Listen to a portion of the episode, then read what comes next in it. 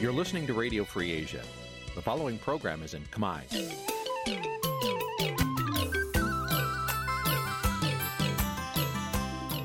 នេះជាកម្មវិធីផ្សាយ Vuthu Azizi Serai នេះជាកម្មវិធីផ្សាយរបស់ Vuthu Azizi Serai ជាភាសាខ្មែរ Vuthu Azizi Serai សូមស្វាគមន៍លោកអ្នកនាងទាំងអស់ពីរដ្ឋធានី Washington នៃសហរដ្ឋអាមេរិកបាទពីរដ្ឋធានី Washington ខ្ញុំបាទសនចាររថាសូមជម្រាបសួរលោកអ្នកនាងអ្នកស្ដាប់ Vuthu Azizi Serai ទាំងអស់ជាទីមេត្រីខ្ញុំបាទសូមជូនការផ្សាយសម្រាប់ព្រឹកថ្ងៃច័ន្ទ6កើតខែចែកឆ្នាំខាលចត្វាស័កពុរសករាជ2566ត្រូវនៅថ្ងៃទី27ខែមីនាគ្រិស្តសករាជ2023បានជាដំបូងនេះសូមអញ្ជើញលោកអ្នកនាងស្ដាប់ព័ត៌មានប្រចាំថ្ងៃដែលមានមេតិការដូចតទៅ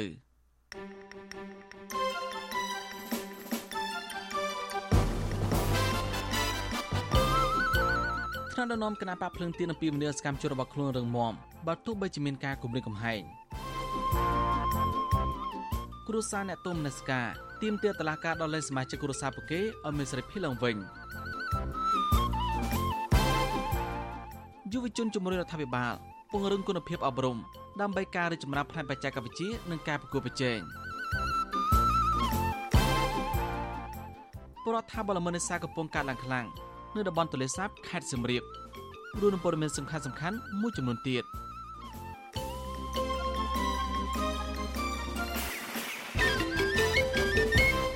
បាទជាបន្តទៅនេះខ្ញុំបាទសនចាររថាសូមជូនព័ត៌មានពិស្ដាក្រមមេដឹកនាំគណៈបកភ្លឹងទៀនបានអំពាវនាវទៅមន្ត្រីនិងសកម្មជនរបស់ខ្លួនមិនត្រូវចាញ់ការគម្រាមកំហែងនិងការបំភ័យឡើយហើយត្រូវផ្សព្វផ្សាយសារនយោបាយណាមួយដែលមានប្រយោជន៍ដើម្បីជៀសវាងការជេរប្រមាថការអំពាវនាវនេះ ធ្វើឡើងស្របពេលដែលមន្ត្រីគណៈបកនេះត្រូវបានអាជ្ញាធរចាប់ខ្លួនដាក់ពន្ធនាគារជាបន្តបន្ទាប់ស្របពេលការបោះឆ្នោតថ្នាក់ជាតិកាន់តែខិតជិតចូលមកដល់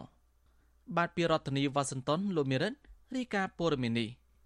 ក្រុមមេដឹកនាំគណបកភ្លើងទៀនស្នើឲ្យមន្ត្រីនិងសកម្មជនរបស់ខ្លួន ត្រូវចេះសាមគ្គីគ្នាអត់ធ្មត់និងស៊ូទ្រាំមិនថាទទួលរងសម្ពាធពីខាងក្រៅ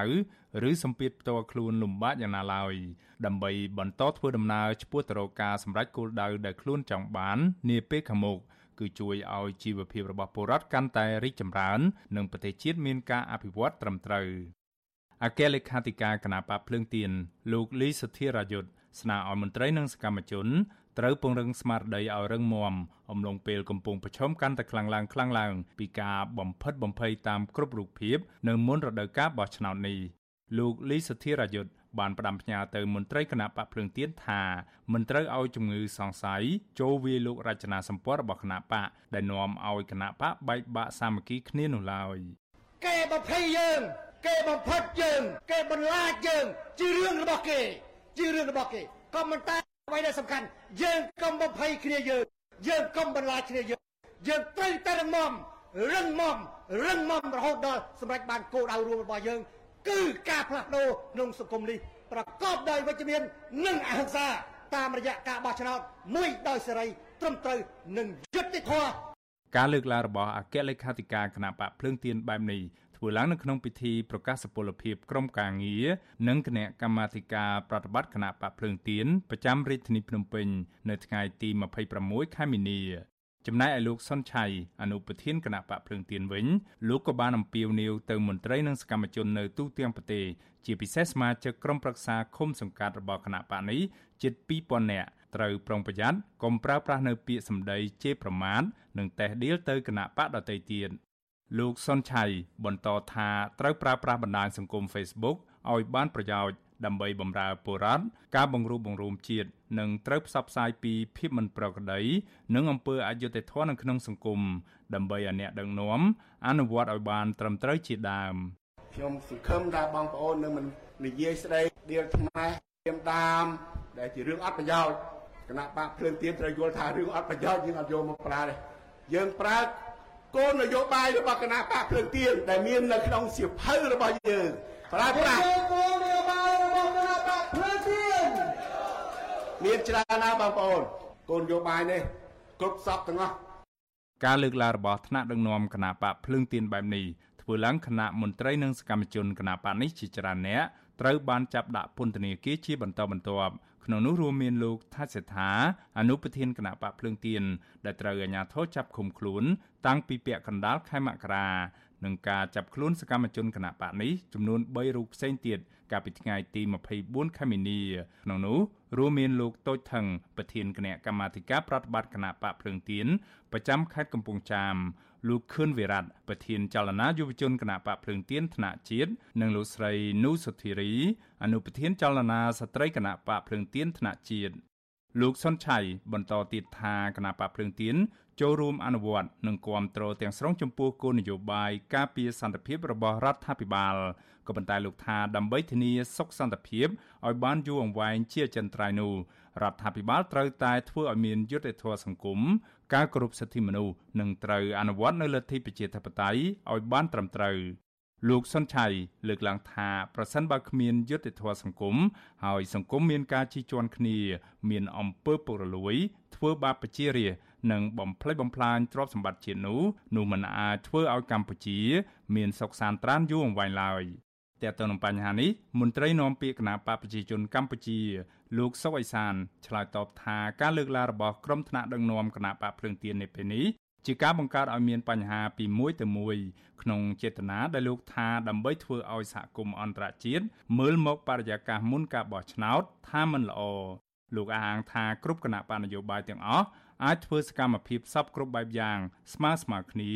ស្របតាមគោលការណ៍ច្បាប់ស្តីពីការរៀបចំការបោះឆ្នោត លោកបន្តថាមិនត្រូវលើកយករឿងនយោបាយមកនិយាយពាក់ព័ន្ធទៅនឹងការអនុវត្តច្បាប់ទៅលើអ្នកប្រព្រឹត្តខុសច្បាប់នោះឡើយ។ទោះបីយើងកំពុងឈ្មោះទៅរកការបោះឆ្នោតឬមួយក៏ការបោះឆ្នោតកំពុងប្រព្រឹត្តទៅយ៉ាងណាក៏ដោយការអនុវត្តផ្លូវច្បាប់អត់មានព្យួរទេបាទប្រទេសណាដោយប្រទេសណាអញ្ចឹងតែផ្ទុយទៅវិញសមត្ថកិច្ចគេខិតខំដើម្បីពង្រឹងសន្តិសុខសម្រាប់ធ្នាប់សាធារណៈសង្គមមិនឲ្យកើតមានឡើងទេ ទោះជាយ៉ាងណាគណៈបកភ្លើងទៀនមន្ត្រីសង្គមស៊ីវិលខាងសិទ្ធិមនុស្សនិងអ្នកតាមដាននយោបាយបានចាត់ទុកការប្រើប្រាស់ប្រព័ន្ធតុលាការចាប់ខ្លួនមន្ត្រីនិងសកម្មជនទាំងនោះថាគឺជារឿងនយោបាយនិងជាការគំរាមកំហែងនៅមុនការបោះឆ្នោតជ្រើសតាំងតំណាងរាស្ត្រអាណត្តិទី7នៅថ្ងៃទី23ខែកក្កដាឆ្នាំនេះ អ្នកវិភាគនយោបាយបណ្ឌិតសេងសេរីមើលឃើញថាសកម្មជនគណៈបកភ្លើងទៀននៅតាមមូលដ្ឋាន ដែលសុទ្ធសឹងជាអ្នកគ្រប់គ្រងគណៈបកសង្គ្រោះជាតិហាក់មានភាពរឹងមាំជាងក្បាលម៉ាស៊ីនថ្នាក់ដឹកនាំនៅថ្នាក់លើទៅទៀតលោកបន្តថានៅក្រោយឆ្នាំ2017មកតួក្បាលម៉ាស៊ីននៅថ្នាក់លើមានភាពរប៉ាត់រប៉ាយដោយមានមួយក្រុមរត់ទៅភៀសខ្លួននៅក្រៅប្រទេសនិងមួយក្រុមទៀតនៅក្នុងប្រទេសมันអាចធ្វើសកម្មភាពអ្វីបានយ៉ាងណាក្តី ក៏សកម្មជននៅមូលដ្ឋានភៀកច្រើនមិនព្រមចាញ់ការគម្រាមកំហែងចោះចូលជាមួយគណៈបកកណ្ដាលអំណាចឡើយដោយពួកគេសុកចិត្តធ្វើស្រែធ្វើជាជាងកាត់សក់និងជាអ្នករត់ម៉ូតូឌុបជាដើមផុសតាងទាំងអស់នេះហើយដែលខ្ញុំអាចសន្និដ្ឋានថា ចលនាប្រជាធិបតេយ្យបច្ចុប្បន្នឬក៏ចលនាប្រឆាំងជាមួយរដ្ឋាភិបាលបច្ចុប្បន្ននេះគឺកម្លាំងរឹងមាំបំផុតគឺនៅមូលដ្ឋាន ហើយវាជាព្រឹត្តិការណ៍ឬក៏វាជាប្រវត្តិសាស្ត្រនៅក្នុង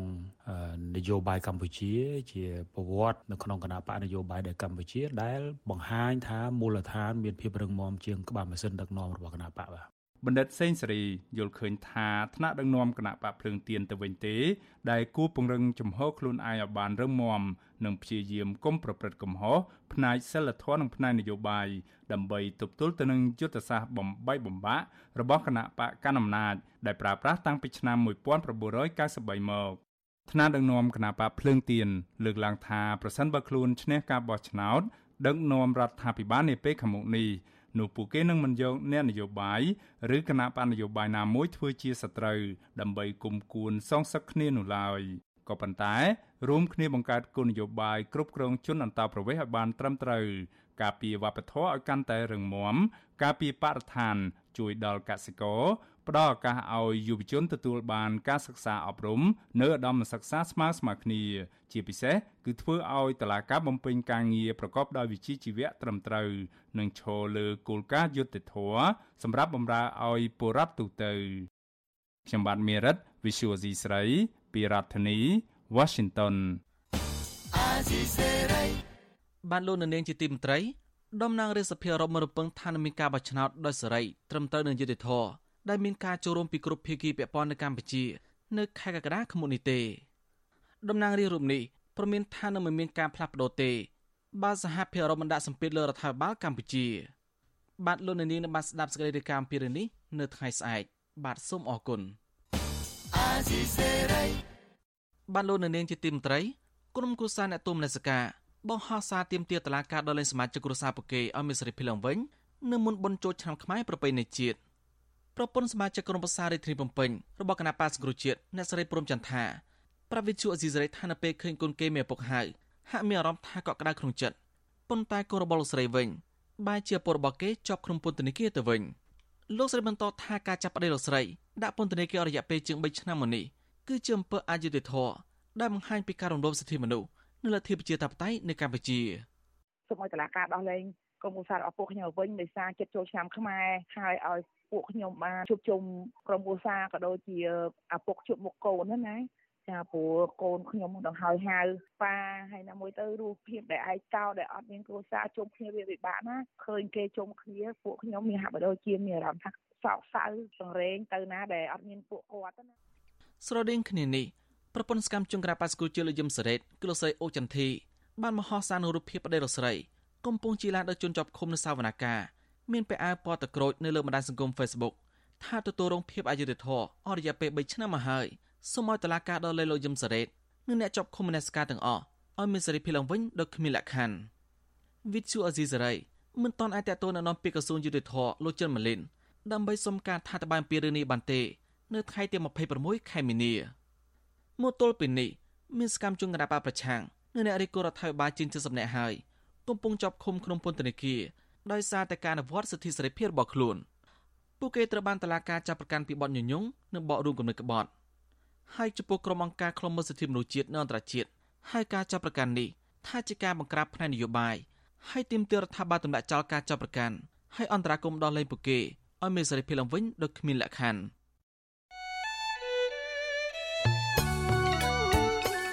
បានលោកនាងជាទីមន្ត្រី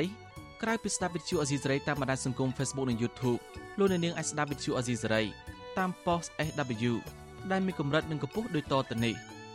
ពេលព្រឹកចាប់ពីម៉ោង5កន្លះដល់ម៉ោង6កន្លះតាមរយៈប៉ុស SW 12.14 MHz ស្មើនឹងកម្ពស់ 25m និងប៉ុស SW 13.71 MHz ស្មើកម្ពស់ 22m ពេលយប់ចាប់ពីម៉ោង7កន្លះដល់ម៉ោង8កន្លះ តាមប៉ុស SW 9.89 MHz ស្មើកម្ពស់ 31m ប៉ុស SW 11.88 MHz ស្មើកម្ពស់ 25m និងប៉ុស SW 12.14 MHz ស្មើកម្ពស់ 25m បាទសូមអរគុណ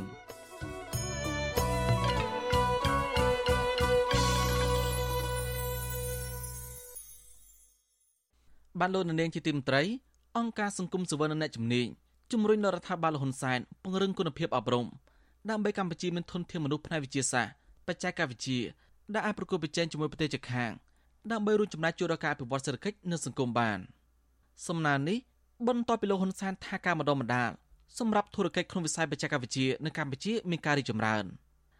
បាទពីរដ្ឋធានីវ៉ាស៊ីនតោនលោកជីវតារាយការណ៍ព័ត៌មាននេះមន្ត្រីសង្គមស៊ីវិលយល់ឃើញថាគោលនយោបាយសេដ្ឋកិច្ចនិងសង្គម Digital របស់រដ្ឋាភិបាល នឹងមិនអាចប្រែក្លាយកម្ពុជា ទៅជាប្រទេសដែលមានចំណូលមធ្យមកម្រិតខ្ពស់នៅឆ្នាំ2030បានទេ បើវិស័យអប់រំនៅទុនខ្សោយដោយសពថ្ងៃនេះពួកគេអំពាវនាវដល់រដ្ឋាភិបាលឲ្យបដិញ្ញាចិត្តពិតប្រាកដក្នុងការអនុវត្តគោលនយោបាយដើម្បីផលិតធនធានមនុស្សដែលមានសមត្ថភាព ជាពិសេសក្រសួងអប់រំត្រូវប្រឹងប្រែងបន្ថែមទៀតចំពោះការធ្វើឲ្យមានសមភាពរវាងគុណភាពអប់រំនៅតាមតំបន់ជនបទនិងនៅតាមទីប្រជុំជន អគ្គលេខាធិការសហព័ន្ធនិស្សិតបញ្ញវន្តកម្ពុជា លោកគៀនពុនលោក លើកឡើងថាបច្ចុប្បន្នសិស្សានុសិស្សនៅកម្ពុជា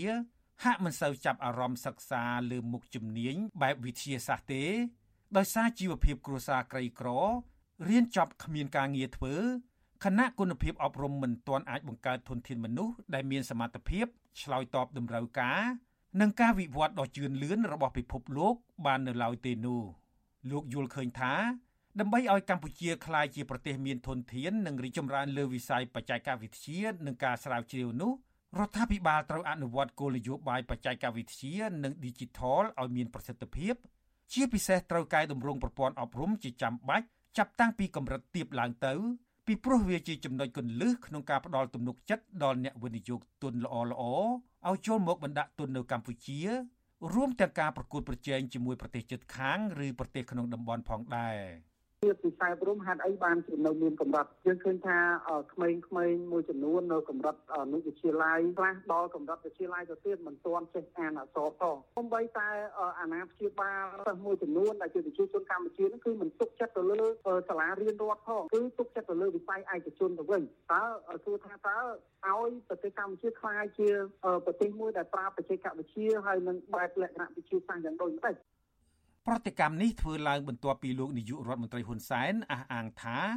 រយៈពេលប្រមាណឆ្នាំចុងក្រោយនេះប្រព័ន្ធបណ្ដុះបណ្ដាលសម្រាប់ធុរកិច្ចក្នុងវិស័យបច្ចេកវិទ្យានៅកម្ពុជា មានការរីកចម្រើនច្រើនដោយក្នុងនោះគ្រឹះស្ថានឧត្តមសិក្សាមួយចំនួន បានចូលរួមយ៉ាងសកម្មក្នុងការអនុវត្តប្រព័ន្ធនវានុវត្តន៍ជាតិក្នុងការបង្កើតកម្មវិធីបណ្ដុះបណ្ដាល ជាពិសេសសម្រាប់មុខជំនាញពាក់ព័ន្ធនឹងវិទ្យាសាស្ត្របច្ចេកទេសវិស្វកម្មនិងគណិតវិទ្យាជាដើម។ ថ្លែងក្នុងទិវាជាតិលើកទី1ស្ដីពីវិទ្យាសាស្ត្របច្ចេកវិទ្យា និងនវានុវត្តន៍ជាតិនៅថ្ងៃទី26ខែមីនាលោកនាយករដ្ឋមន្ត្រីហ៊ុនសែនថាវិស័យនេះបានដើរតួកាន់តែសំខាន់សម្រាប់កំណើនសេដ្ឋកិច្ចការអភិវឌ្ឍសង្គមសេដ្ឋកិច្ចជាតិចាប់តាំងពីការរាតត្បាតជំងឺ Covid-19 ការកើនកម្ដៅការប្រកួតប្រជែងភូមិសាស្ត្រនយោបាយសង្គ្រាមពាណិជ្ជកម្មនិងការប្រែប្រួលអាកាសធាតុលោកសន្យាថា រដ្ឋាភិបាលរបស់លោកនឹងផ្ដល់អាទិភាពចំពោះការអភិវឌ្ឍមូលធនមនុស្សលើមុខជំនួយវិទ្យាសាស្ត្របច្ចេកវិទ្យានិងគណិតវិទ្យាឬហៅកាត់ថា STEM ដោយលើកទឹកចិត្តឲ្យយុវជនចំនួនក្រោយជ្រើសរើសសិក្សាជំនាញការពង្រឹងគុណភាពអប់រំគ្រប់កម្រិត និងបង្កើតមូលនិធិស្រាវជ្រាវជាតិជាដើមទន្ទឹមនឹងនេះលោកហ៊ុនសែនក៏អំពាវនាវដល់អ្នកវិនិយោគទុនទាំងក្នុងស្រុកនិងក្រៅស្រុកឲ្យជួយបណ្ដុះបណ្ដាលធនធានមនុស្ស និងបង្កើតមូលនិធិទុនឯកជន និងមូលនិធិបណ្ដាក់ទុនជាដើមរាជរដ្ឋាភិបាលបានដាក់ចេញនៅផែនទីបង្ហាញផ្លូវនៃពីការអភិវឌ្ឍជំនាញកម្ពុជា2022 2035និងរបៀបវិរៈស្រាវជ្រាវជាតិ2025ក្នុងគោលបំណងចូលរួមដោះស្រាយបញ្ហាប្រឈមនិងបង្កើតកលានុវត្តភាពជូនវិស័យសាធារណៈវិស័យឯកជននិងប្រជាជនកម្ពុជាតាមរយៈការរៀបចំផែនការបណ្ដុះបណ្ដាលឲ្យមានប្រសិទ្ធភាពកំណត់ប្រធានវត្តស្រាវជ្រាវឲ្យបានជាក់លាក់ដោយទទួលបានលទ្ធផលអាចយកមកអនុវត្តបាននិងជំរុញការអភិវឌ្ឍផលិតផលបច្ចេកវិទ្យាសមស្របតាមពេល និងឆ្លើយតបទៅនឹងតម្រូវការនៃការអភិវឌ្ឍសង្គមសេដ្ឋកិច្ចប្រកបដោយប្រសិទ្ធភាពកម្ពុជាបច្ចុប្បន្នយុវជនដែលចង់បន្តការសិក្សានៅថ្នាក់ឧត្តមសិក្សាភាគច្រើនអាស្រ័យលើការឧបត្ថម្ភពីគ្រួសារនិងការធ្វើការងារក្រៅម៉ោងប្រសិនបើពួកគាត់ខ្វះខាតថវិកាពួកគាត់អាចស្វែងរកកម្ចីឥណទាននេះបានតាមស្ថាប័នឯកជន ដូចជាធនាគារនិងគ្រឹះស្ថានមីក្រូហិរញ្ញវត្ថុ ក៏ប៉ុន្តែពួកគេត្រូវសងត្រឡប់ទៅវិញក្នុងអត្រាការប្រាក់ខ្ពស់ពួកគេចង់ឃើញរដ្ឋាភិបាលបង្កើតគោលនយោបាយកម្ចីសម្រាប់និស្សិតដើម្បីជួយឲ្យកម្ពុជាមានចំនួនធនធានមនុស្សប្រកបដោយគុណភាពនិងសមត្ថភាពច្រើនឡើងវិទ្យុអាស៊ីសេរីមិនអាចតាក់ទងแนะនាំពាក្យក្រសួងអប់រំលោករស់សូវីចាដើម្បីបកស្រាយបន្ថែមបានទេនៅថ្ងៃទី26មីនាជុំវិញរឿងនេះអ្នកស្រាវជ្រាវការអភិវឌ្ឍសង្គមបណ្ឌិតសេងសារីថ្លែងថា លោកគាំទ្រចំពោះរដ្ឋាភិបាលដែលចាប់យកវិស័យបច្ចេកវិទ្យានិងការបណ្ដុះបណ្ដាលអ្នកជំនាញស្របពេលបច្ចុប្បន្នពិភពលោកកំពុងផ្ដោតសំខាន់លើវិស័យទាំងនេះទោះជាយ៉ាងណា លោកមើលឃើញថាកម្ពុជា ហាក់ដើរយឺតយ៉ាវសភាពការវិវត្តរបស់ពិភពលោក ក្នុងការកសាងធនធានមនុស្សខណៈកន្លងមកការស្រាវជ្រាវនៅតាមសាលា និងនៅតាមមជ្ឈមណ្ឌលបណ្ដុះបណ្ដាលខ្វះខាតឧបករណ៍ពិសោធន៍ ដែលជាឧបសគ្គសម្រាប់អ្នកសិក្សាស្រាវជ្រាវអនុវត្តជាក់ស្ដែងយើងនិយាយអំពីម៉ាស៊ីនផលិតធនធានមនុស្សរបស់ជាតិគឺក្រសួងអប់រំហើយបើសិនជាក្នុងករណីក្រសួងអប់រំមិនផលិតទុនធានឲ្យស្របតាមនឹងការវិវត្តរបស់ពិភពលោកឲ្យស្របនឹងតាមវិវត្តរបស់ការរីកចម្រើនរបស់កម្ពុជា មានន័យថាយើងនឹងដើរក្រោយការវិវត្តរបស់ពិភពលោកអ្វីដែលលោកនាយករដ្ឋមន្ត្រីហ៊ុនសែនលើកឡើងគួរតែមានយន្តការបន្តថាតើកម្ពុជានឹងវិនិយោគនៅក្នុងវិស័យអប់រំតកតទៅនឹងវិស័យវិជ្ជាវិទ្យាហ្នឹងក្រៅទៅពីបង្រៀនទ្រឹស្ដីហ្នឹងថាតើអាចបំពាក់នៅមន្ទីរពិសោធន៍សម្ភារៈឧបទេសផ្សេងផ្សេងសម្រាប់ការសិក្សាតាមរបាយការណ៍របស់ក្រសួងអប់រំយុវជននិងកីឡាឆ្នាំ2020ដល់ឆ្នាំ2021និស្សិតថ្នាក់បរិញ្ញាបត្រមានចំនួនជាង170,000នាក់ និស្សិតថ្នាក់ក្រោយបរិញ្ញាបត្រមានចំនួនជិត10000នាក់ក្នុងនោះថ្នាក់បរិញ្ញាបត្រជាន់ខ្ពស់មានជាង8000នាក់និងថ្នាក់បណ្ឌិតមានជិត1000នាក់ក្រុមអ្នកជំនាញនិងសង្គមស៊ីវិលមើលឃើញថាវិស័យវិទ្យាសាស្ត្របច្ចេកវិទ្យា និងនវានុវត្តន៍ឬការស្រាវជ្រាវថ្មីៗរបស់កម្ពុជានឹងមិនជឿនលឿនបានដូចប្រទេសជិតខាងទេប្រសិនបើរដ្ឋាភិបាលនៅតែមិនយកចិត្តទុកដាក់ធ្វើកំណែទម្រង់លើវិស័យអប់រំទេនោះ ចំណុចសំខាន់នៃកំណែទម្រង់នោះគឺរដ្ឋាភិបាលត្រូវបង្កើនថវិកាជាតិសម្រាប់សិក្សាស្រាវជ្រាវ និងបង្កើតមន្ទីរពិសោធន៍ឲ្យបានច្រើនព្រមទាំងបង្កើនប្រាក់ខែគ្រូបង្រៀនផងដែរខ្ញុំជីវិតាអាស៊ីសេរី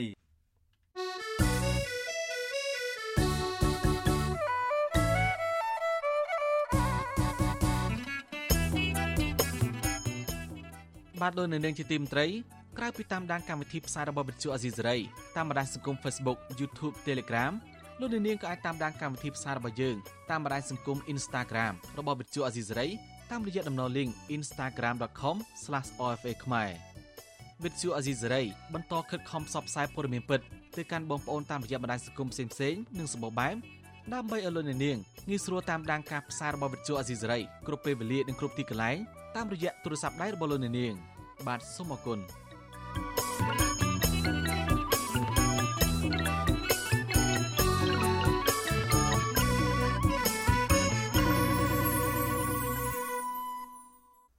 បានលោកនាងជាទីមត្រី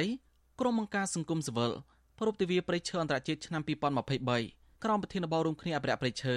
ដើម្បីសុខុមាលភាពសាធារណៈកម្មវិធីនេះប្រពឡើងក្នុងគោលបំណងផ្សព្វផ្សាយអំពីស្ថានភាពប្រៃឈើនិងស្វែងយល់ពីដំណោះស្រាយដើម្បីទប់ស្កាត់ការកាប់បំផ្លាញព្រៃឈើនៅកម្ពុជា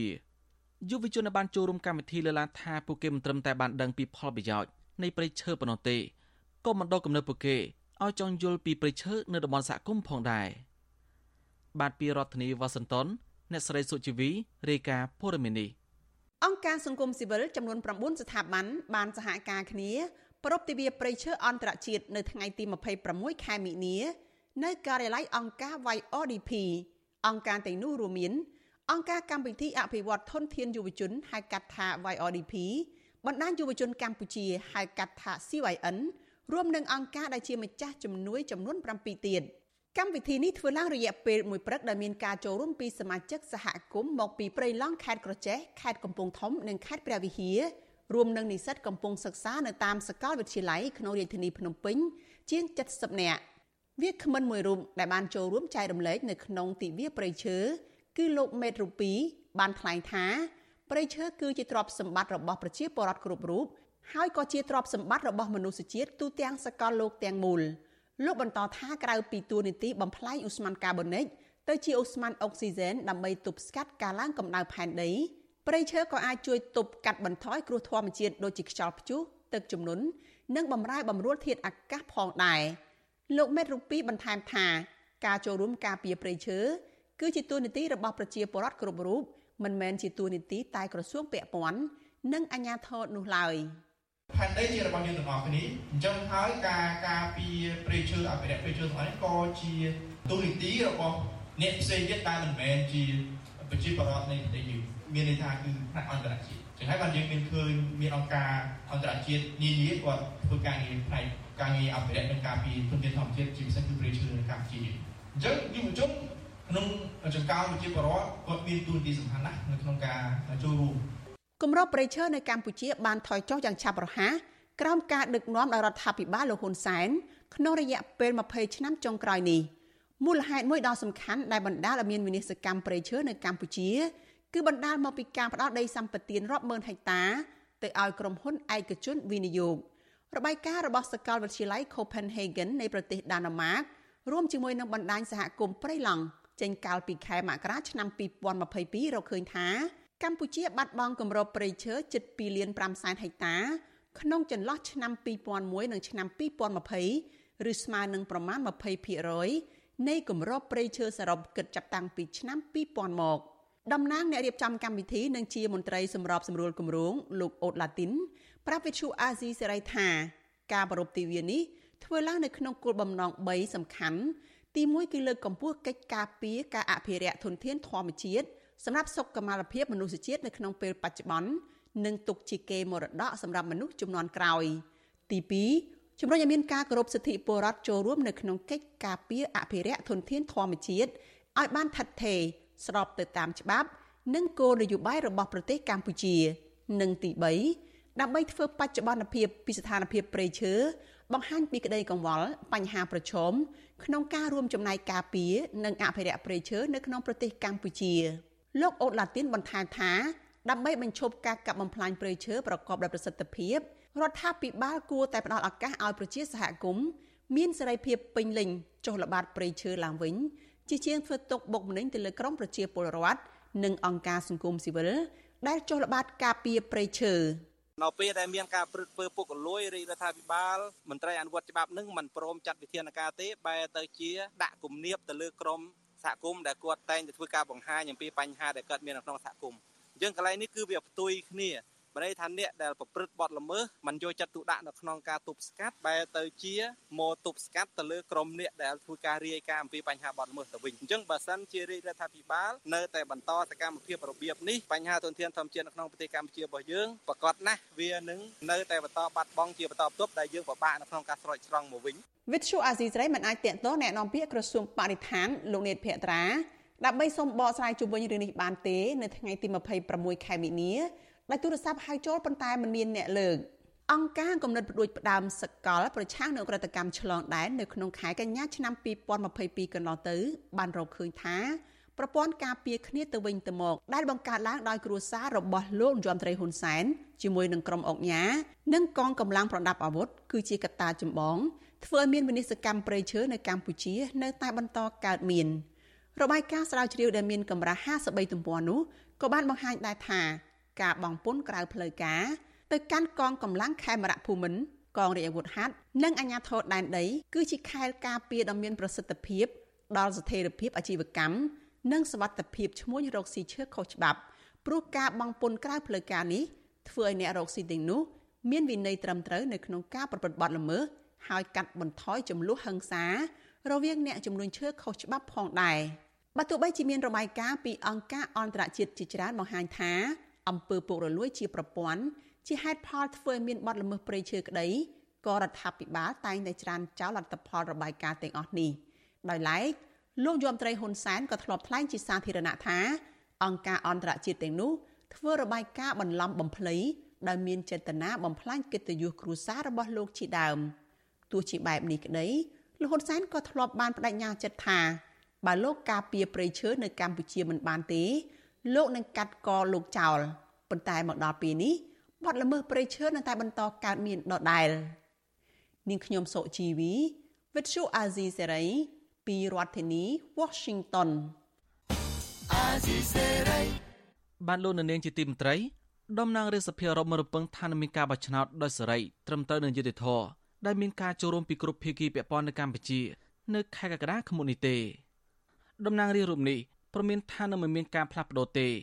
បើសហភាពអឺរ៉ុបមិនដាក់សម្ពាធលើរដ្ឋាភិបាលកម្ពុជា បាទលោកនាងនឹងបានស្ដាប់សេចក្តីរាយការណ៍អំពីរឿងនេះនៅថ្ងៃស្អែកបាទសូមអរគុណបាទលោកនាងជាទីមន្ត្រីមន្ត្រីគណៈបកប្រឆាំងនៅអ្នកវិភាគរិះគន់មេដឹកនាំរដ្ឋាភិបាលឯកបៈលោកហ៊ុនសែនថាព្យាយាមអ៊ុតសរសើរពីគោលនយោបាយរបស់ចិនផ្ទុយពីការពិតហើយបោកប្រាស់ប្រជាពលរដ្ឋថាចិនជាទីផ្សារធំសម្រាប់កម្ពុជានាំផលិតផលយកទៅលក់ ប្រតិកម្មរបស់អ្នកខ្លំមើលបែបនេះបន្ទាប់ពីលោកហ៊ុនសែនថ្មីថ្មីនេះបានលើកឡើងថាចិនជាប្រទេសមិនងាយចុះខ្សោយផ្នែកសេដ្ឋកិច្ចហើយចិនជាទីផ្សារធំសម្រាប់សហគមន៍អាស៊ាននិងកម្ពុជា បានពីរដ្ឋធានីវ៉ាស៊ីនតោនលោកមេរិនមានសេចក្តីរាយការណ៍មួយផ្សេងទៀតអំពីរឿងនេះមន្ត្រីគណៈបពប្រឆាំងនិងអ្នកវិភាគនយោបាយមើលឃើញថាកម្ពុជាទំនងជាពិបាករក្សាជំហរជាក្រិតរបស់ខ្លួនដោយសារតែលោកហ៊ុនសែនអនុវត្តគោលនយោបាយលំអៀងទៅរកប្រទេសចិនខ្លាំង ពួកគេចាត់ទុកថាការលើកឡើងរបស់លោកហ៊ុនសែននារយៈពេលចុងក្រោយមកនេះដែលអួតសរសើរអំពីគោលនយោបាយរបស់ចិនថាបានជួយជំរុញសេដ្ឋកិច្ចកម្ពុជា តាមរយៈការធ្វើពាណិជ្ជកម្មនោះគឺផ្ទុយពីការពិតនិងអាចជាសារនយោបាយរបស់លោកហ៊ុនសែនដើម្បីការពារមុខមាត់ប្រទេសចិនកុម្មុយនីសដែលជាមិត្តដៃថៃរបស់ខ្លួនតែប៉ុណ្ណោះមន្ត្រីជាន់ខ្ពស់គណៈបកសង្គ្រោះជាតិលោកអ៊ុំសមាន លើកឡើងថាស្របពេលរបបនយោបាយកម្ពុជា កំពុងជាប់គាំងហើយរដ្ឋាភិបាលលោកហ៊ុនសែនក៏ប្រឈមទៅនឹងការទទួលទណ្ឌកម្មសេដ្ឋកិច្ចបន្ថែមពីសហភាពអឺរ៉ុបនោះលោកថាលោកហ៊ុនសែនក៏ហាក់ប្រឹងប្រែងសវ៉ាអោបកសោបចិននិងបង្ហាញនៅចំហទៅរកប្រទេសចិនដោយចំហលោកបន្តថាចិនមិនមែនជាទីផ្សារធំសម្រាប់កម្ពុជានោះទេខណៈកម្ពុជាខាត់បងច្រើនក្នុងការធ្វើពាណិជ្ជកម្មជាមួយចិនកាលពីឆ្នាំកន្លងទៅ លោកអ៊ុំសំអានបន្ថែមថាក្រុមគ្រួសារតកូលហ៊ុននិងក្រុមមន្ត្រីក្នុងជួររដ្ឋាភិបាលមួយចំនួន មានលុយរាប់រយលានដុល្លារទើបបានជាពួកគេមិនខ្វល់ខ្វាយពីរឿងប្រមានដកប្រព័ន្ធអនុគ្រោះពន្ធ EBA របស់សហភាពអឺរ៉ុបដែលនៅសល់ចំនួន80%ក៏ប៉ុន្តែលោកអ៊ុំសមានបារម្ភថាប៉ះសិនបើសហភាពអឺរ៉ុបកាត់ផ្តាច់ប្រព័ន្ធអនុគ្រោះពន្ធ EBA ទាំងស្រុងនោះ នោះអ្នកដែលទទួលរងទុក្ខវេទនាគឺប្រជាកសិករនិងកម្មកររោងចក្រដែលនឹងត្រូវប្រឈមទៅនឹងការអត់ការងារធ្វើត្បិតលោកយល់ថាប្រទេសចិនមិនអាចជំនួសទីផ្សាររបស់សហភាពអឺរ៉ុបបាននោះទេ លោកហ៊ុនសែននិយាយហ្នឹងគឺដើម្បីការពារមិត្តដៃថែរបស់គាត់ការពារចវាយរបស់គាត់គឺចិនណាពេលដែលសហគមន៍អន្តរជាតិដាក់ទណ្ឌកម្មមកលើកម្ពុជាបន្ថែមទៀតដាក់សម្ពាធមកលើកម្ពុជាបន្ថែមទៀតហើយអាមេរិកនឹងផ្ដល់ឲ្យកម្ពុជាវិញនៅប្រព័ន្ធការគ្រោះពន្ធទូទៅ GSP ហ្នឹងក៏កម្ពុជាមិនស្រាប់ដែរកម្ពុជាពឹងផ្អែកទៅលើទីផ្សាររបស់ចិនលោកហ៊ុនសែននិយាយថាប្រទេសចិនជាទីផ្សារដ៏ធំរបស់កម្ពុជាតាមពិតផ្ទុយទៅវិញទេកម្ពុជាជាទីផ្សារដ៏ធំរបស់ប្រទេសចិនទៅវិញនោះទេប្រតិកម្មរបស់មន្ត្រីគណៈបពប្រឆាំងបែបនេះធ្វើឡើងបន្ទាប់ពីលោកនាយរដ្ឋមន្ត្រីហ៊ុនសែននារយៈពេលចុងក្រោយនេះបានឃោសនាអំពីគោលនយោបាយមិត្តដៃថៃរបស់ខ្លួនគឺប្រទេសចិនជាបន្តបន្ទាប់ហើយលោកហ៊ុនសែនចាត់ទុកថាប្រទេសចិនគឺជាទីផ្សារដ៏ធំសម្រាប់កម្ពុជា និងប្រទេសក្នុងតំបន់អាស៊ាន លោកហ៊ុនសានកាលពីថ្ងៃទី22ខែមីនា លើកឡើងថាកម្ពុជាមិនចូលរួមក្នុងយុទ្ធនាការណាមួយដែលធ្វើឲ្យប្រទេសណាមួយមានវិបត្តិសេដ្ឋកិច្ចឡើយ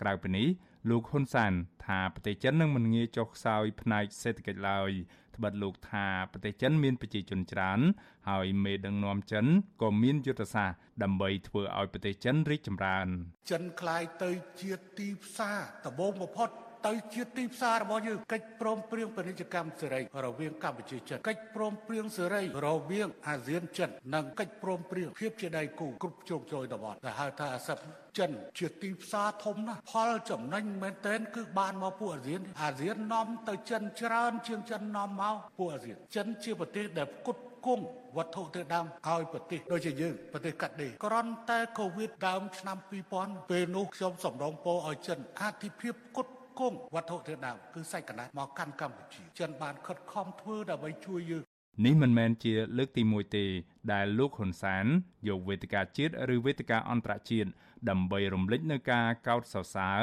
នៃគោលនយោបាយប្រទេសចិន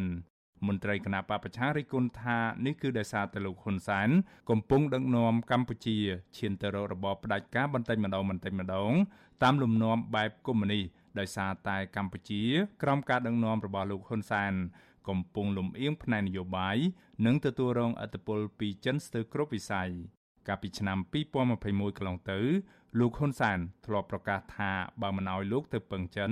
តើអោយលោកទៅពឹងអ្នកណា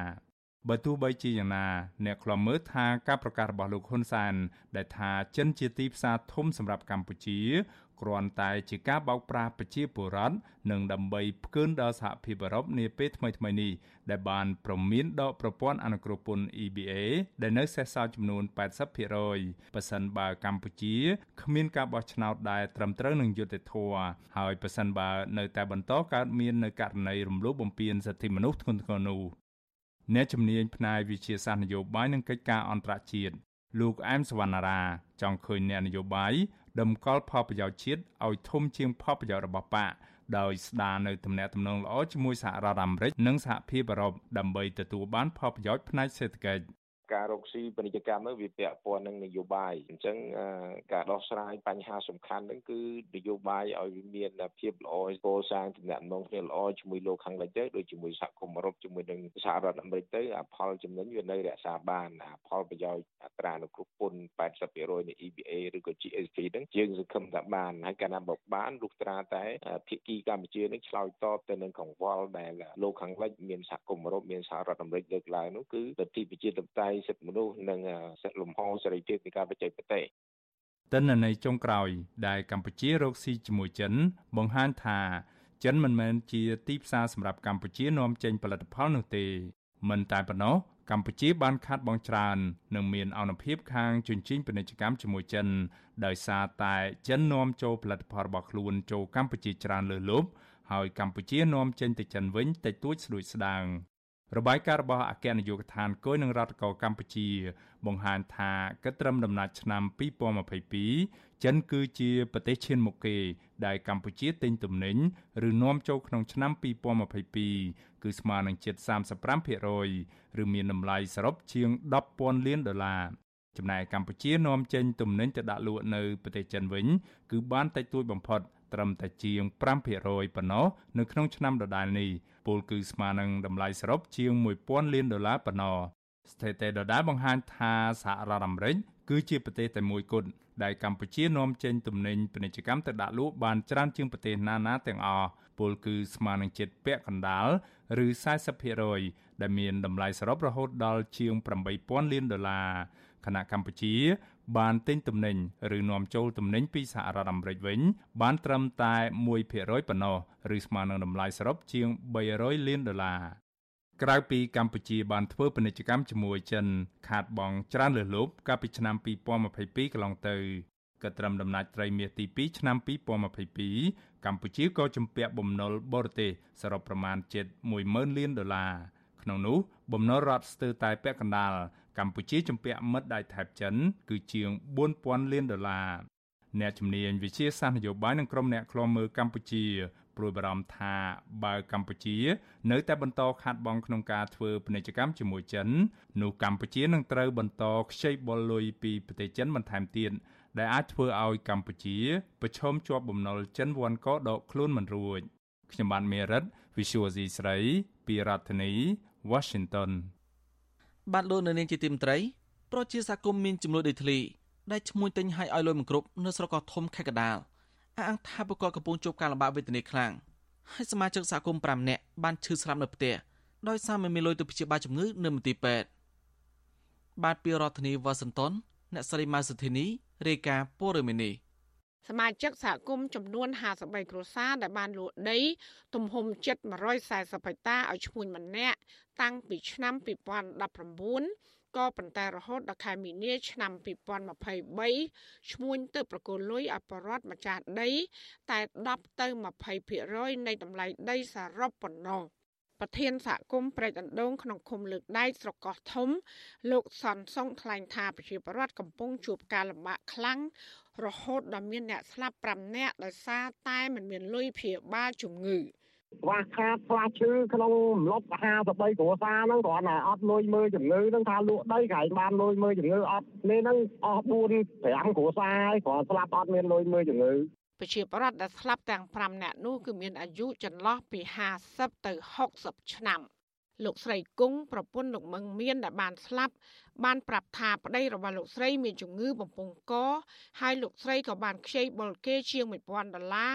ដើម្បីទៅព្យាបាលជំងឺនៅពេទ្យលោកសង្ឃក្នុងរាជធានីភ្នំពេញ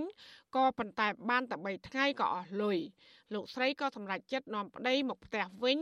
បណ្ដោយជីវិតតាមព្រេងវាសនាហើយប្តីរបស់លោកស្រីក៏បានស្លាប់នៅអំឡុងចុងឆ្នាំ2022គាត់ បានខូចហ្នឹងអាហ្នឹងលុយលក់ដីហ្នឹងដល់អពើលក់ដីហ្នឹងទៅគាត់ចាប់ដើមឈឺអញ្ចឹងទៅហើយអត់មានលុយមានអីមើលបានលុយអីមើលតែប្តីគេតែ3ថ្ងៃអស់1000ហើយហ្នឹងហើយបានមកទៅវិញហើយអត់មានលុយតចង់ការគេមានលុយអីចាក់គេដល់10ថ្ងៃ លោកស្រីគង់ឲ្យដឹងទៀតថាពេលនេះកូនរបស់លោកស្រីក៏កំពុងមានជំងឺ ហើយត្រូវព្យាបាលតាមបែបបុរាណដោយប្រើថ្នាំរឹសដោយសារតែមិនមានលុយទៅព្យាបាលនៅមន្ទីរពេទ្យពជាសហគមន៍ម្នាក់ទៀតលោកស្រីសៀកឡុងក៏បានឲ្យដឹងថាគាត់លក់ដីដើម្បីយកលុយទៅសងបំណុលក៏ប៉ុន្តែនៅពេលដែលមិនទទួលបានលុយធ្វើឲ្យបំណុលរបស់លោកស្រីចេះតែកើនឡើង ឥឡូវនៅកាពះរត់ទៀតនៅកាពះរត់នោះនៅត្រូវការញ៉ាំនៅលុយបងទៅចងការគេឥឡូវវិការក៏តាមច្រើនទៀតហើយខ្ញុំត្រូវការលុយខាងបានលុយមកសងគេសងហើយហ្នឹងអាកូនមានថយសងឥឡូវខ្ញុំកាពះរត់នៅលុយបងរត់ប្រធានសហគមន៍លោកសនសុងថ្លែងថាអាញាធរដោះស្រាយมันមានប្រសិទ្ធភាពនោះអាចដោយសារទទួលផលប្រយោជន៍ឬក៏ខុបខិតគ្នាជាមួយឈ្មួញ ពិបាកផងអាជ្ញាធរគាត់អត់អត់ធ្វើការឲ្យប្រជាពលរដ្ឋដូចគាត់ត្រូវឲ្យគ្នាជាមួយឈ្មួញឈ្មួញដែលប្រមូលទិញដីប្រជាសហគមន៍ប្រែកអណ្ដូងលោកហៀកហ៊ុនថ្លែងថារូបលោកមិនបានកិច្ចវេះចេញពីការទទួលខុសត្រូវមិនព្រមបង់លុយបង់គ្រប់ឲ្យប្រជាពលរដ្ឋនោះឡើយប៉ុន្តែលោកថាពេលនេះលោកបង្វិលលុយមិនតាន់ ខ្ញុំអត់ទាន់បានជួបគាត់ទេបងខ្ញុំកំពុងស្វែងរកដើម្បីយកមកដោះស្រាយឲ្យពួកគាត់ទាំងដែរហ្នឹងណាទេពេចវេទៅណាខ្ញុំអត់ទេបងខ្ញុំត្រូវតែដោះស្រាយឲ្យគាត់ហើយក្នុងមុនចូលឆ្នាំហ្នឹងខ្ញុំដោះឲ្យគាត់បដាបដាឲ្យបងដីទំហំជិត140ហិកតាដែលលោកហៀកហ៊ុនបានទិញពីកសិករនោះគឺជាប្រភេទដីស្រែដីនោះកសិករនៅអាចបន្តធ្វើកសិកម្មបាន ក៏ប៉ុន្តែมันអាចលក់ដូរឬក៏ដាក់ជាទ្រព្យធានាសម្រាប់ខ្ចីធនាគារបានឡើយពីព្រោះឯកសារត្រូវបានរៀបចំរួចប្រកួតតែឲ្យឈ្មោះហៀកហ៊ុនជាអ្នកគ្រប់គ្រង អភិបាលរងត្រកកធំលោកជ្រឹកស្រងឲ្យដឹងថាអាញាធរក៏កំពុងប្រឹងប្រែងរកមធ្យោបាយក្នុងការដោះស្រាយក៏ប៉ុន្តែលោកថាដោយសារស្ថានភាពសេដ្ឋកិច្ចជួបការលំបាកឈ្មួញទិញដីមិនអាចរកលុយបន្ថែមទើបខាងសាលាស្រុកមិនអាចកំណត់ពេលដោះស្រាយបញ្ចប់បញ្ហានេះបានចំពោះការចោទថាអាញាធរស្រុកទទួលបានផលប្រយោជន៍ពីឈ្មួញនោះលោកជ្រឹកស្រងដែលជាអ្នកដោះស្រាយបញ្ហានេះ ក៏បានបញ្ជាក់ថាលោកមិនដែលទទួលផលប្រយោជន៍អ្វីឡើយអាញាធរស្រុកសង្គមកំពុងតែព្យាយាមដោះស្រាយរកដំណោះស្រាយសមរម្យជូនគាត់ហើយមិនមែនន័យថាយើងទទួលសំណងពីខាងណាមួយទេនិយាយដល់ត្រង់ឲ្យថាលុយវិញគឺអត់និយាយប្រាប់បាយត្រង់មកថាអត់ហ្មងបាទហើយខ្ញុំបើសិនជាខ្ញុំចេះយកលុយអញ្ចឹងណាគឺខ្ញុំអត់ជិះម៉ូតូម្ចាស់ទេខ្ញុំម៉ូតូម្ចាស់ទេចាំហើយខ្ញុំជិត20ឆ្នាំហើយខ្ញុំអត់រឿងថាបើលុយចឹងសុំទោសអត់ទេ មន្ត្រីសម្របសម្រួលនៃសមាគមសម្ព័ន្ធសហគមន៍កសិករកម្ពុជា លោកគុជសុខុមដែលជាអ្នកសម្របសម្រួលបញ្ហានៅសហគមន៍ប្រែកអណ្ដូងនេះ មានប្រសាសន៍ថាអាញាធរមានទួនាទី ដើម្បីសម្រេចលើបញ្ហានេះក្នុងករណីដែលឈ្មួញមិនមានលុយគ្រប់ប្រគល់ទៅអពរដ្ឋគឺឈ្មួញត្រូវតែប្រគល់ឯកសារឲ្យម្ចាស់ដីវិញ។ បើករណីលុយកក់រហូតមកដល់ឥឡូវវា2ឆ្នាំតាំងពី2019 2020អញ្ចឹងណាពី2ឬក៏3ឆ្នាំបាត់ទៅហើយបើករណីគ្រាន់តែលុយកក់បើមួយអត់មានលទ្ធភាពទេគួរណាតែអាជ្ញាធរដោះស្រាយថាតំណាងក្រុមហ៊ុនហ្នឹងបកគលឯកសារនឹងឲ្យប្រជាពលរដ្ឋវិញបើមិនមានលទ្ធភាពក្នុងការបង់ប្រាក់គ្រប់នៅកិច្ចសន្យាដែលដែលគាត់បានព្រមព្រៀងគ្នាជាមួយនឹងប្រជាពលរដ្ឋជុំវិញបញ្ហានេះដែរលោកជ្រឹកស្រងបញ្ជាក់ថា អាញាធរស្រុកមិនទាន់អាចសម្រេចបានយ៉ាងណានៅឡើយពីព្រោះតម្លៃដីទាំងនោះជិត2លានដុល្លារដែលជាចំនួនច្រើន និងពិបាកដកស្រាយចាននាងខ្ញុំម៉ៃសុធានីវិទ្យុអាស៊ីសេរីប្រធានាធិបតី Washington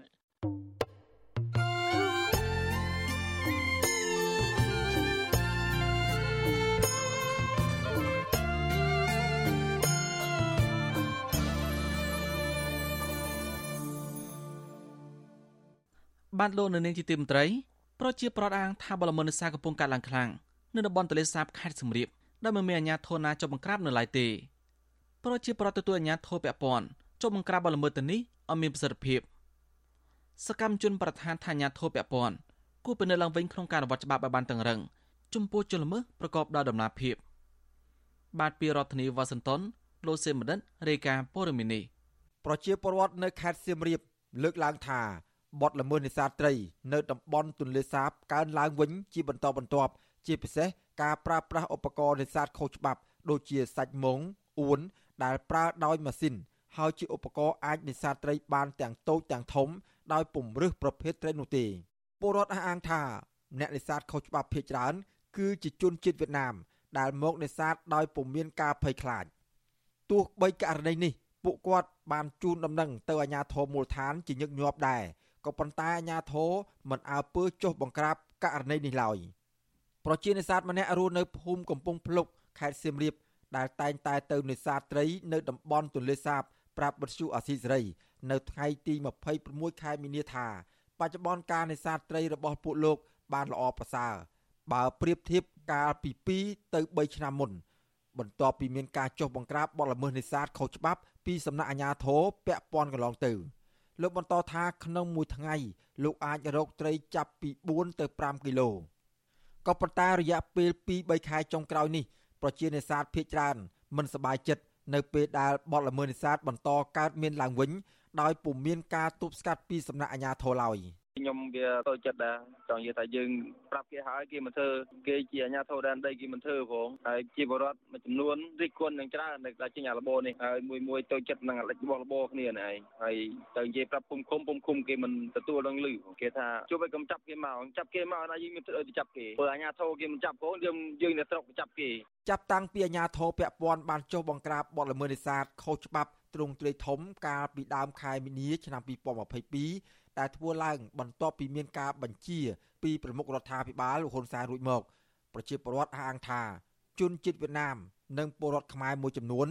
ដែលតែងតែនេសាទត្រីខុសច្បាប់ដោយប្រើម៉ាស៊ីននៅក្នុងតំបន់ទន្លេសាប ហាក់មានភាពស្ងប់ស្ងាត់ក៏ប៉ុន្តែបច្ចុប្បន្នជនល្មើសទាំងនោះ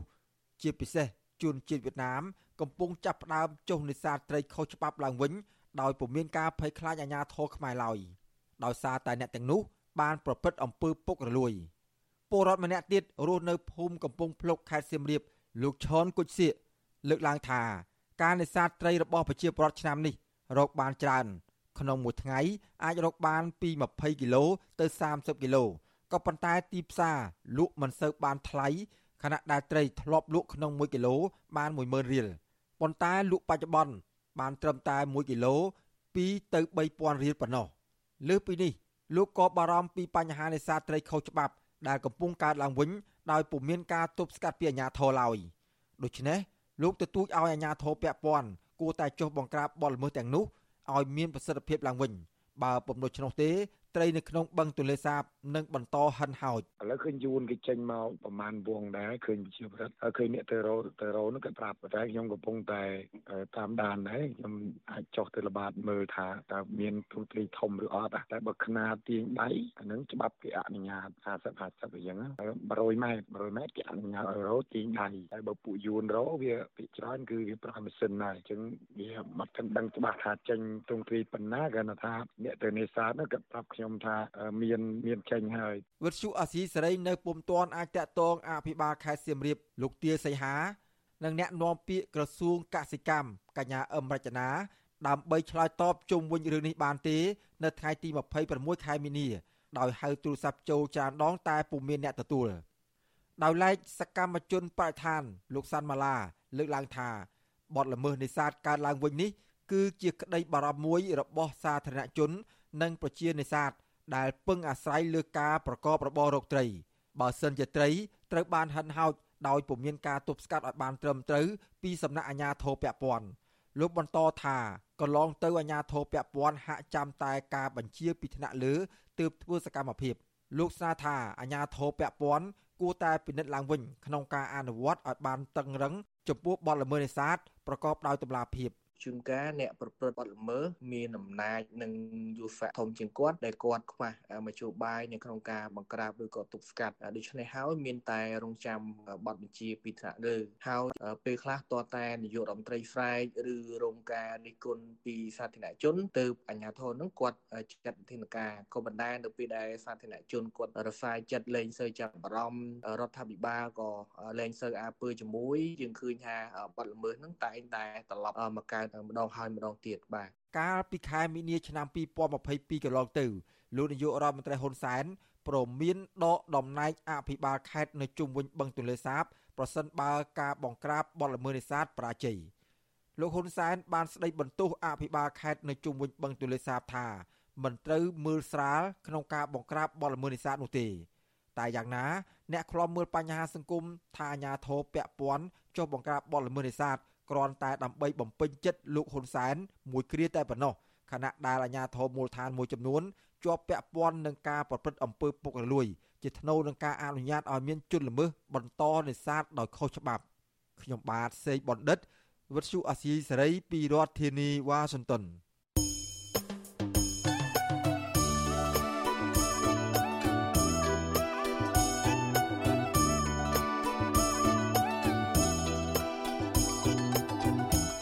បានលោកនៅនាងជាទីមន្ត្រីក្រៅពីស្ដាប់វិទ្យុអេស៊ីសេរីតាមបណ្ដាញសង្គម Facebook និង YouTube លោកនៅនាងអាចស្ដាប់វិទ្យុអេស៊ីសេរីតាម post SW ដែលមានកម្រិតនិងកម្ពស់ដូចតទៅនេះពេលព្រឹកចាប់ពីម៉ោង5កន្លះដល់ម៉ោង6កន្លះតាមរយៈ post SW 12.14 MHz ស្មើនឹងកម្ពស់ 25m និងប៉ុស SW 13.71 MHz ស្មើកម្ពស់ 22m ពេលយប់ចាប់ពីម៉ោង7កន្លះដល់ម៉ោង8កន្លះ តាមប៉ុស SW 9.89 MHz ស្មើកម្ពស់ 31m ប៉ុស SW 11.88 MHz ស្មើកម្ពស់ 25m និងប៉ុស SW 12.14 MHz ស្មើកម្ពស់ 25m បាទសូមអរគុណ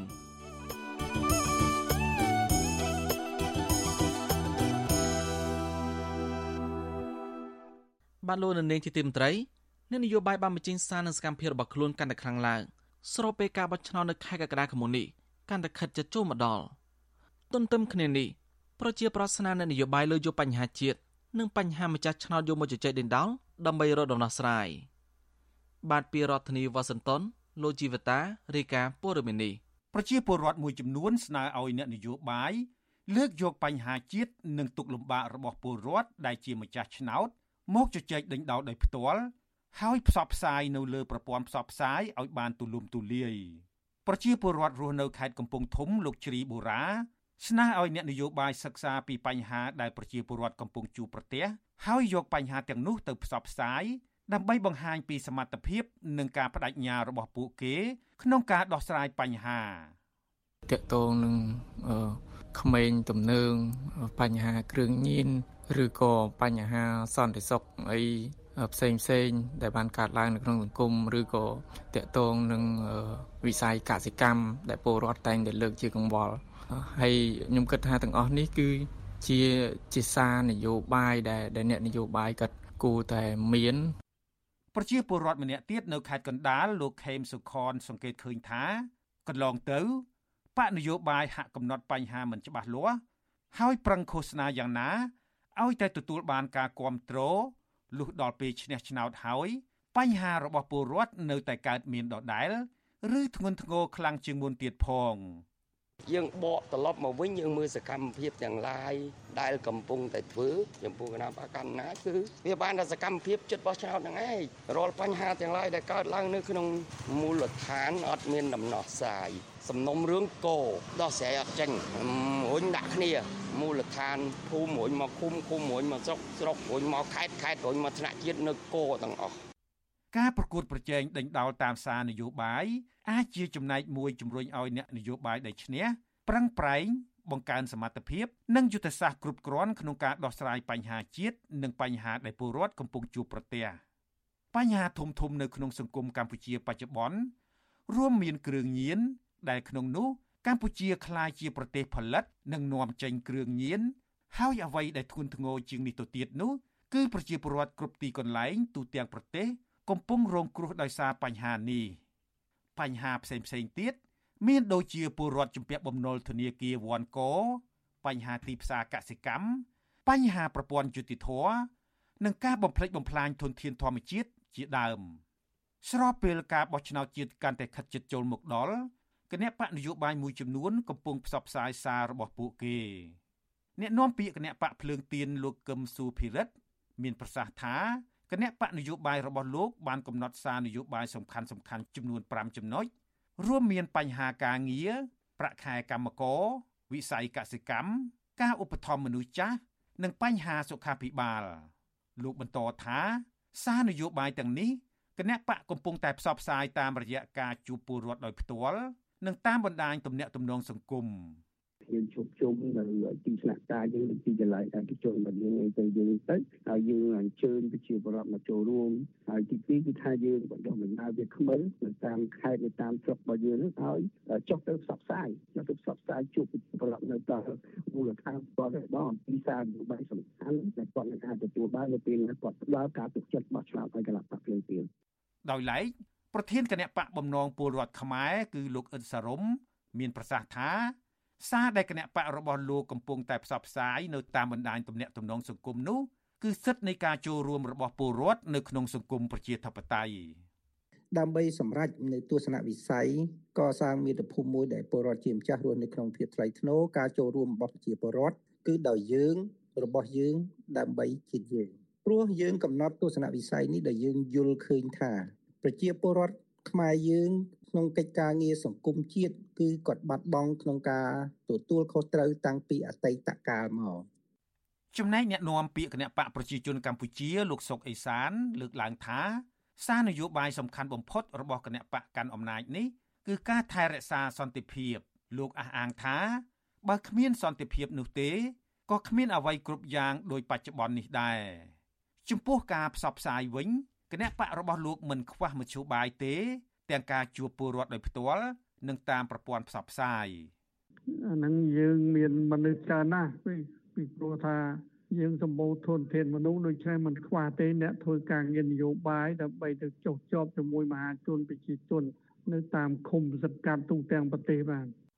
ទោះជាយ៉ាងណាក៏ដោយចុះអតីតនាយិកាអង្គការសីលីកាហើយបច្ចុប្បន្នជាអ្នកឃ្លាំមើលការអភិវឌ្ឍសង្គម គឺលោកស្រីធីតាខឹសមើលឃើញថាបញ្ហាលើការអនុវត្តច្បាប់គឺជាហេតុធ្វើឲ្យអ្នកនយោបាយនៅក្រៅរដ្ឋាភិបាលពិបាកក្នុងការនិយាយស្ដីឬលើកសាររបស់ពួកគេទៅផ្សព្វផ្សាយអ្នកស្រីលើកទឹកចិត្តដល់ម្ចាស់ឆ្នោតឲ្យតាមដានមើលគណៈបកដែលឃោសនាច្បាស់លាស់និងអ្នកនយោបាយដែលមានសិលធម៌ល្អបើសិនណាជាអ្នកដឹកនាំអត់មានសិលធម៌យើងធ្វើដេម៉ូក្រាស៊ីមិនកើតលួចផោភូតផោកុហកយើងទៅឃោសនាមិន អានឹងខ្ញុំថាអានឹងជាជាជា snow ឡាមើលបើណាណាគេមានមានអាដេញអានឹងឯងបើមនុស្សភូតផោកុហកយើងយកមកធ្វើដឹកនាំតើតើតើយើងជឿធ្វើម៉េចបានធ្វើគោលនយោបាយឲ្យយើងម៉េចធ្វើម៉េចយើងជឿបានខុសគ្នាពីប្រទេសប្រជាធិបតេយ្យជឿនលឿនមួយចំនួន ការបោះឆ្នោតថ្នាក់ជាតិនិងថ្នាក់ក្រោមជាតិនៅកម្ពុជា តែងតែមានសារពីអ្នកនយោបាយជេរប្រមាថគំរាមកំហែងប្រើអំពើហិង្សា ចាប់ចង ប្តឹងផ្ដាល់ចាប់ដាក់គុក ឬលួចថតសម្លេងសន្ទនាលក្ខណៈឯកជនរបស់គូប្រជែងនយោបាយទាំងខុសច្បាប់ជាដើមអេរយាប័តនយោបាយទាំងនេះមិនត្រឹមតែមិនអាចជួយដោះស្រាយបញ្ហាជាតិនិងប្រជាពលរដ្ឋបានទេប៉ុន្តែវាថែមទាំងនាំឲ្យមានភាពអយុត្តិធម៌និងមានភាពបែកបាក់សង្គមកាន់តែធ្ងន់ធ្ងរទៀតផងខ្ញុំជីវិតាអាស៊ីសេរី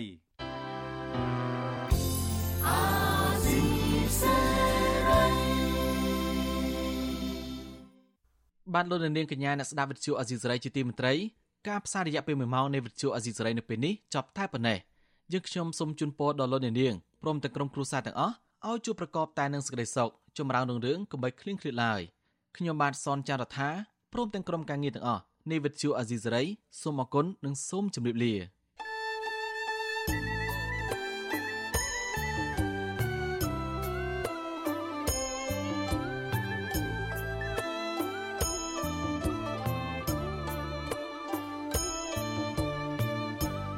ទ្យុអាស៊ីសេរីផ្សាយតាមរលក ធារកាសខ្លីតាមកម្រិត និងកម្ពស់ដូចតទៅនេះពេលព្រឹកចាប់ពីម៉ោង5កន្លះដល់ម៉ោង6កន្លះតាមរយៈប៉ុស SW 12.14 MHz ស្មើនឹងកម្ពស់ 25m និងប៉ុស SW 13.71 MHz ស្មើនឹងកម្ពស់ 22m ពេលយប់ចាប់ពីម៉ោង7កន្លះដល់ម៉ោង8កន្លះតាមរយៈប៉ុស SW 9.89 MHz ស្មើនឹងកម្ពស់ 31m ប៉ុស SW 11.88 MHz ស្មើនឹងកម្ពស់ 25m និងប៉ុស SW 12.14 MHz ស្មើនឹងកម្ពស់ 25m លោកអ្នកនាងក៏អាចស្ដាប់និងទស្សនាការផ្សាយផ្ទាល់នៅលើគេហទំព័ររបស់ Vuthu Azizi Saray តាមរយៈអាស័យដ្ឋាន rfa.org/ ខ្មែរក្រៅពីនេះលោកអ្នកនាងក៏អាចអាននិងទស្សនាព័ត៌មាន Vuthu Azizi Saray លើទូរស័ព្ទដៃរបស់លោកអ្នកផ្ទាល់ សូមលោកអ្នកនាងដំឡើងកម្មវិធី Vithu Azisari នៅលើទូរស័ព្ទដៃរបស់លោកអ្នកនាងឬស្វែងរក Vithu Azisari នៅលើ YouTube ឬ Facebook ដោយស្វែងរកពាក្យថា Vithu Azisari ឬ RFA ខ្មែរសូមលោកអ្នកនាងចុច like follow និងចុច subscribe ដើម្បីទទួលបានព័ត៌មានថ្មីៗទាន់ហេតុការណ៍និងទស្សនាវីដេអូផ្សេងៗទៀតបានគ្រប់ពេលវេលា